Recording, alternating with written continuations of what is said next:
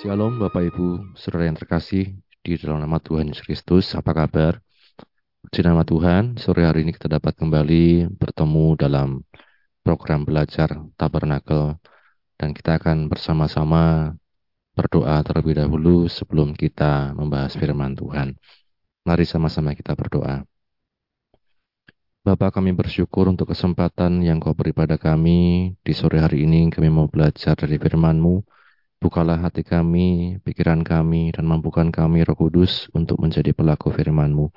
Kami bersyukur di dalam nama Tuhan Yesus kami berdoa. Haleluya. Amin. Puji Tuhan, Bapak Ibu Saudara sekalian, kita akan melanjutkan ya beberapa hal pembahasan kita tentang tabernakel ya kita belajar bersama-sama di waktu yang lalu bagaimana kehidupan kita sebagai orang percaya, sebagai pelayan Tuhan, sebagai anak Tuhan, dikatakan kita mampu, kita dimampukan itu oleh karena pengurapan yang dari Tuhan.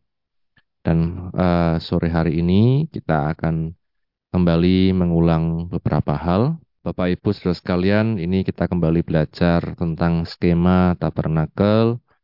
Ada pintu gerbang, ada mesbah korban bakaran, ada kolam pembasuhan, ada meja roti sajian, pelita emas, mesbah dupa, pintu tirai, peti perjanjian atau tabut hukum Allah. Pintu gerbang ini menunjukkan atau berbicara tentang kita percaya kepada Tuhan Yesus Kristus iman kita kepada Tuhan Yesus Kristus. Dikatakan hanya melalui Yesus saja kita bisa mendapat keselamatan. Tidak ada nama lain di kolong langit ini yang olehnya kita dapat mendapat keselamatan selain di dalam nama Tuhan Yesus Kristus. Kemudian di mesbah korban bakaran kita berbicara tentang uh, pengorbanan Yesus untuk kita sekalian, pengorbanan di kayu salib oleh darahnya, oleh kuasanya, oleh pilurnya kita disembuhkan, kita diselamatkan. Kemudian kita masuk ke kolam pembasuhan itulah uh, gambaran tentang baptisan air di mana kita sebagai orang percaya, setelah kita percaya, kita berkomitmen, kita beribadah pada Tuhan, kita mau masuk ke dalam satu komitmen yaitu baptisan air yang itu menanggalkan manusia lama dan hidup sebagai manusia baru di dalam Tuhan Yesus Kristus.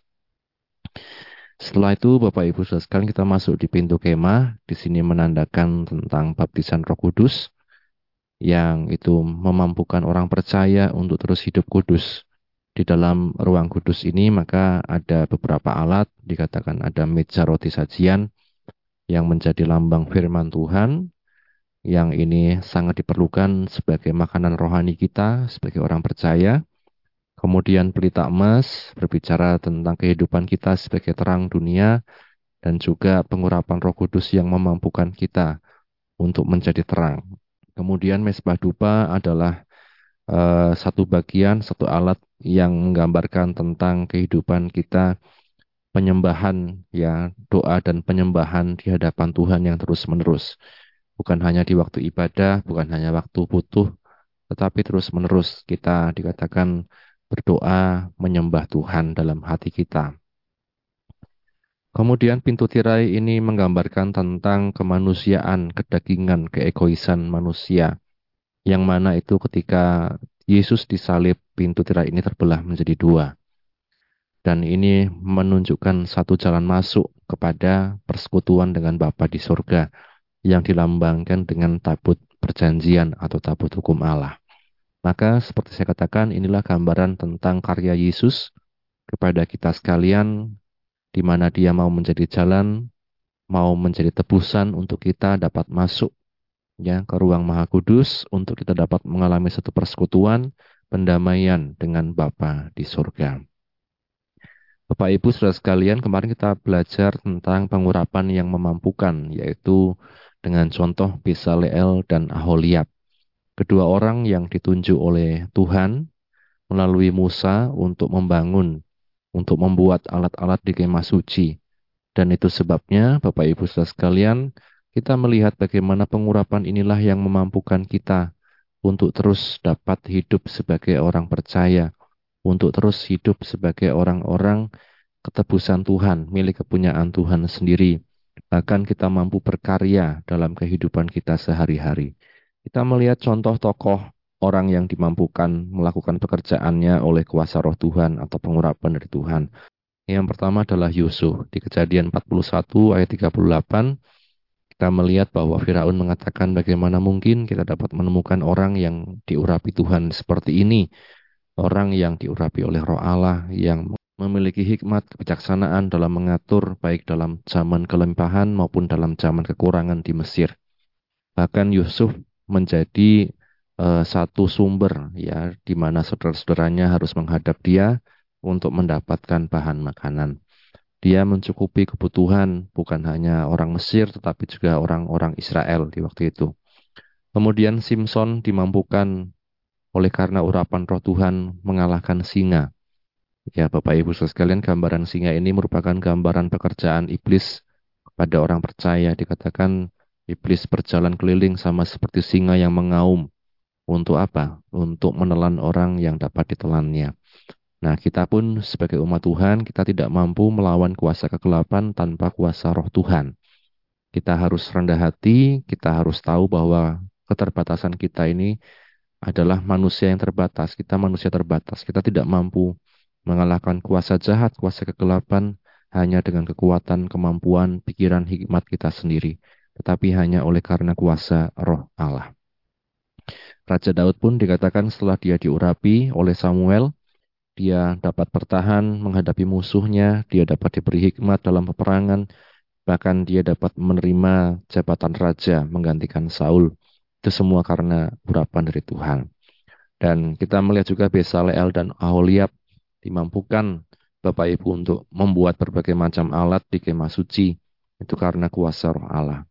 Nah, maka saya katakan pengurapan roh Tuhan memampukan kita untuk mendapat hikmat atau pencerahan seperti Yusuf di Mesir, kemudian melakukan perbuatan perkasa seperti Simpson, memimpin seperti Daud, dan berkarya seperti Besaleel dan Aholiab. Ini Bapak Ibu Saudara sekalian yang kita pelajari di hari Rabu yang lalu. Selanjutnya, Rabu ini saya mengambil satu tema sederhana, yaitu taat menjalankan petunjuk Tuhan. Ya, ketaatan ini kita pelajari dari seorang Musa, Bapak Ibu Saudara sekalian. Dia taat menjalankan petunjuk Tuhan dalam membangun tabernakel. Ya, kita lihat bersama-sama uh, Musa ini di Keluaran pasal yang ke-25. Keluaran pasal 25 mulai dari ayat 1 akan saya bacakan. Berfirmanlah Tuhan kepada Musa, katakanlah kepada orang Israel, supaya mereka memungut bagiku persembahan khusus dari setiap orang yang terdorong hatinya, haruslah kamu pungut persembahan khusus kepadaku itu. Inilah persembahan khusus yang harus kamu pungut dari mereka. Emas, perak, tembaga, kain ungu tua, kain ungu muda, kain krimisi, lenan halus, bulu kambing, kulit domba jantan yang diwarnai merah, kulit lumba-lumba, dan kayu penaga minyak untuk lampu, rempah-rempah untuk minyak urapan, dan untuk ukupan dari wangi-wangian, permata krisopras dan permata tatahan untuk baju efod dan untuk tutup dada. Dan mereka harus membuat tempat kudus bagiku supaya aku akan diam di tengah-tengah mereka. Menurut segala apa yang kutunjukkan kepadamu sebagai contoh, sebagai contoh kemah suci dan sebagai contoh segala perabotannya, demikianlah harus kamu membuatnya. Amin. Berbahagia setiap kita yang baca, mendengar, dan juga yang melakukan firman Tuhan. Bapak Ibu sudah sekalian, dikatakan tadi menurut segala apa yang kutunjukkan kepadamu sebagai contoh kemah suci. Kalau kita melihat sebelumnya Bapak Ibu, dikatakan Musa ini naik ke gunung Sinai, ya. Musa ini naik ke gunung Sinai. Di sinilah Tuhan menunjukkan ya contoh kemah suci tersebut. Ya, di Keluaran pasal 24 ayat 12 mulai Tuhan berfirman kepada Musa, "Naiklah menghadap aku ke atas gunung dan tinggallah di sana, maka aku akan memberikan kepadamu loh batu, yakni hukum dan perintah yang telah kutuliskan untuk diajarkan kepada mereka." Lalu bangunlah Musa dan Yosua abdinya, maka naiklah Musa ke atas gunung Allah itu. Tetapi kepada para tua-tua itu ia berkata, tinggallah di sini menunggu kami sampai kami kembali lagi kepadamu. Bukankah Harun dan Hur ada bersama-sama dengan kamu? Siapa yang ada perkaranya, datanglah kepada mereka. Maka Musa mendaki gunung dan awan itu menutupinya. Kemuliaan Tuhan diam di atas gunung Sinai, dan awan itu menutupinya enam hari lamanya. Pada hari ketujuh dipanggilnyalah Musa dari tengah-tengah awan itu. Tampaknya kemuliaan Tuhan sebagai api yang menghanguskan di puncak gunung itu pada pemandangan orang Israel. Masuklah Musa tengah-tengah awan itu dengan mendaki gunung itu. Lalu tinggallah ia di atas gunung itu 40 hari dan 40 malam lamanya. Di sini Bapak Ibu sudah sekalian, kita melihat ngapain gitu ya kalau kita pikir 40 hari 40 malam di atas gunung. Tapi tentu saja kalau kita melihat di pasal-pasal selanjutnya bahwa Tuhan menunjukkan rancangannya kepada Musa. Beginilah kemah suci, tabernakel yang hendak yang harus didirikan oleh Musa. Yang dikatakan di mana Tuhan akan berdiam di sana di tengah-tengah umat Israel. Nah, Bapak Ibu Saudara sekalian, jadi kita melihat menurut segala yang ditunjukkan Tuhan tersebut di atas gunung itu ya, maka tu, uh, apa dikatakan Tuhan memerintahkan di ayat yang ke-9 dikatakan menurut segala yang kutunjukkan kepadamu sebagai contoh kemah suci dan sebagai contoh perabotannya demikianlah harus kamu membuatnya. Jadi di sini kita melihat Bapak Ibu Saudara sekalian, Tuhan memberikan petunjuk dan kita melihat di pasal-pasal selanjutnya bagaimana Musa mengeksekusi petunjuk Tuhan tersebut. Dalam artian bahwa Musa taat menjalankan apa yang diperintahkan oleh Tuhan. Jadi kita belajar Bapak Ibu sekalian bagaimana ketaatan Musa ini taat bukan sembarang taat tetapi atas petunjuk Tuhan atas perintah Tuhan. Jadi kita pun Bapak Ibu dalam hidup ini jangan sampai kita taat tetapi bukan atas perintah Tuhan.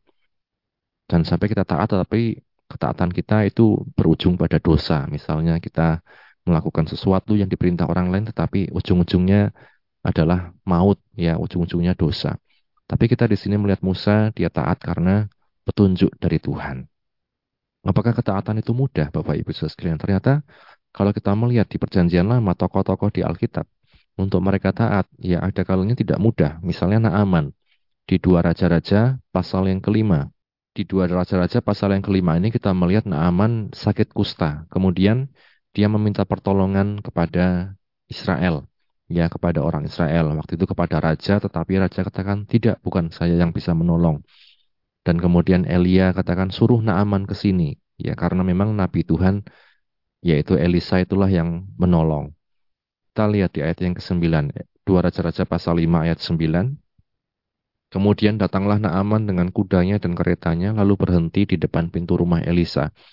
Elisa menyuruh seorang suruhan kepadanya mengatakan, Pergilah mandi tujuh kali dalam sungai Yordan, maka tubuhmu akan pulih kembali sehingga engkau menjadi tahir.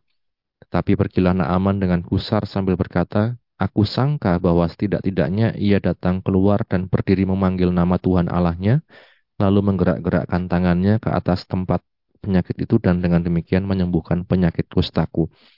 Bukankah Abana dan Parpar sungai-sungai Damsik lebih lebih baik daripada segala sungai di Israel? Bukankah aku dapat mandi di sana dan menjadi tahir? Kita lihat di sini Bapak Ibu saudara sekalian, satu langkah yang diberikan oleh Elisa kepada Naaman agar sembuh dikatakan, mandilah di sungai Yordan tujuh kali, ya maka engkau akan sembuh. Ya, tetapi kita melihat Bapak Ibu, ini tidak sesuai dengan hatinya seorang Naaman, ya. Dikatakan, tetapi Naaman gusar, marah, ya, tidak apa ya, tidak sejahtera. Dia katakan, aku sangka setidak-tidaknya Elisa itu datang keluar, berdiri memanggil nama Tuhan, lalu menggerak-gerakkan tangannya di atas penyakit itu, kemudian sembuh. Ya, Bukankah sungai-sungai di Damsik lebih baik, lebih bersih daripada sungai di Israel? Nah, kita lihat di sini Bapak Ibu. Bagaimana untuk taat itu memang tidak mudah, karena butuh rendah hati. Untuk taat itu tidak mudah, karena sering kali tidak sesuai dengan pikiran logika kita.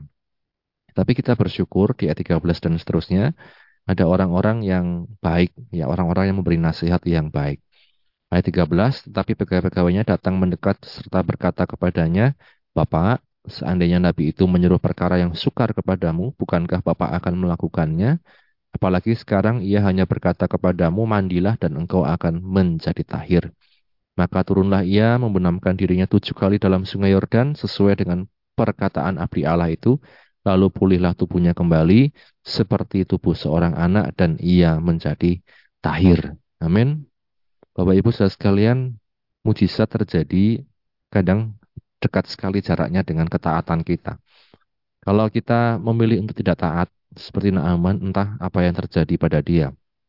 Mungkin dia akan pulang, mandi di sungai Damsik kok tidak sesuai dengan apa yang dijanjikan oleh Elisa. Ternyata tidak sembuh karena memang tidak taat. Karena memang tidak sesuai dengan perintah dari Elisa.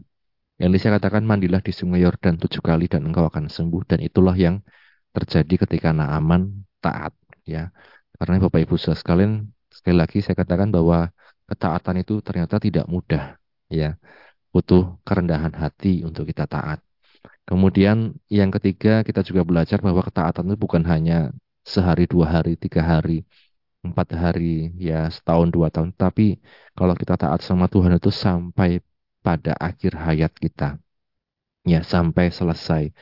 Sampai Tuhan menjemput kita. Ya contohnya siapa? Contohnya Paulus. Kita melihat saat dia menghadap uh, seorang raja bernama Agripa untuk mempertanggungjawabkan imannya di Kisah Para Rasul pasal 26, Kisah Rasul pasal 26 ayat 19 dikatakan sebab itu ya Raja Agripa kepada penglihatan yang dari sorga itu tidak pernah aku tidak taat. Ya. Ini Bapak Ibu. Uh, seorang Rasul Paulus saat dia bertobat mengenal Yesus dia mengalami satu penglihatan di jalan ke Damsik. Dan akhirnya dia menjadi buta setelah didoakan oleh Ananias, kemudian baru dia sembuh. Dan dikatakan uh, oleh Rasul Paulus bahwa saat penglihatan itu, saat dia bergumul, saat dia buta, Tuhan memberikan berbagai macam isi hatinya, petunjuknya bahwa Paulus ini akan dipakai untuk menjadi alatnya Tuhan yang luar biasa. Nah, Dikatakan di ayat 19, sebab itu ya Raja Agripa kepada penglihatan yang dari surga itu tidak pernah aku tidak taat. Artinya ketaatan itu yang terus dipegang oleh seorang Paulus sampai akhir. Dia taat kepada penglihatan yang dari surga, artinya dia taat seperti Musa, diperlihatkan Tuhan rancangan yang besar, dia lakukan dan dia taat sampai akhir. Nah, karena Bapak Ibu saudara sekalian, kita melihat di sini dari contoh tiga orang ini kita belajar bagaimana uh, yang pertama dikatakan ketaatan kepada Tuhan membuat kita dipakai Tuhan untuk menjalankan pelayanan. Ya, seperti Musa menjalankan pelayanan apa? Membangun kemah suci, membuat alat-alat di dalamnya, dan kemudian itu dipakai untuk orang beribadah dan Tuhan hadir di tengah-tengah umatnya. Kita melayani Tuhan Bapak Ibu sekalian kalau kita belajar di waktu yang lalu kita butuh pengurapan. Yang kedua, kita melihat kita butuh ketaatan. Pengurapan tanpa ketaatan itu sering kali membuat orang itu menjadi sombong. Ya, merasa diurapi, merasa bisa, merasa hebat, akhirnya sombong. Ya, tetapi kita bersyukur Musa tidak hanya diurapi, dia taat. Ya, dia perintahkan orang Israel untuk mengumpulkan perhiasannya, dia perintahkan Besaleel dan Aholiab dan kemudian diberikan rancangan yang dari Tuhan, dia taat. Kemudian Naaman, ketaatan kepada Tuhan itu mendatangkan berkat. Menerima berkat apa kalau Naaman? Kesembuhan. Ya, dia sakit kusta, awalnya dia kusar, awalnya dia tidak taat, awalnya dia mangkel, dongkol, jengkel, ya. Tapi akhirnya dia taat dan dia menerima berkat kesembuhan dari Tuhan lewat Nabi Elisa.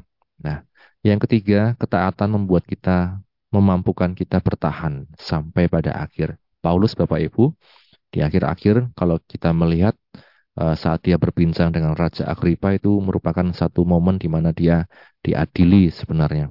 Dia menerima berbagai macam tuduhan dari orang-orang Farisi, orang Israel yang tidak suka kepada dia dan dia harus terus dikatakan naik banding ya bahkan sampai kepada kaisar.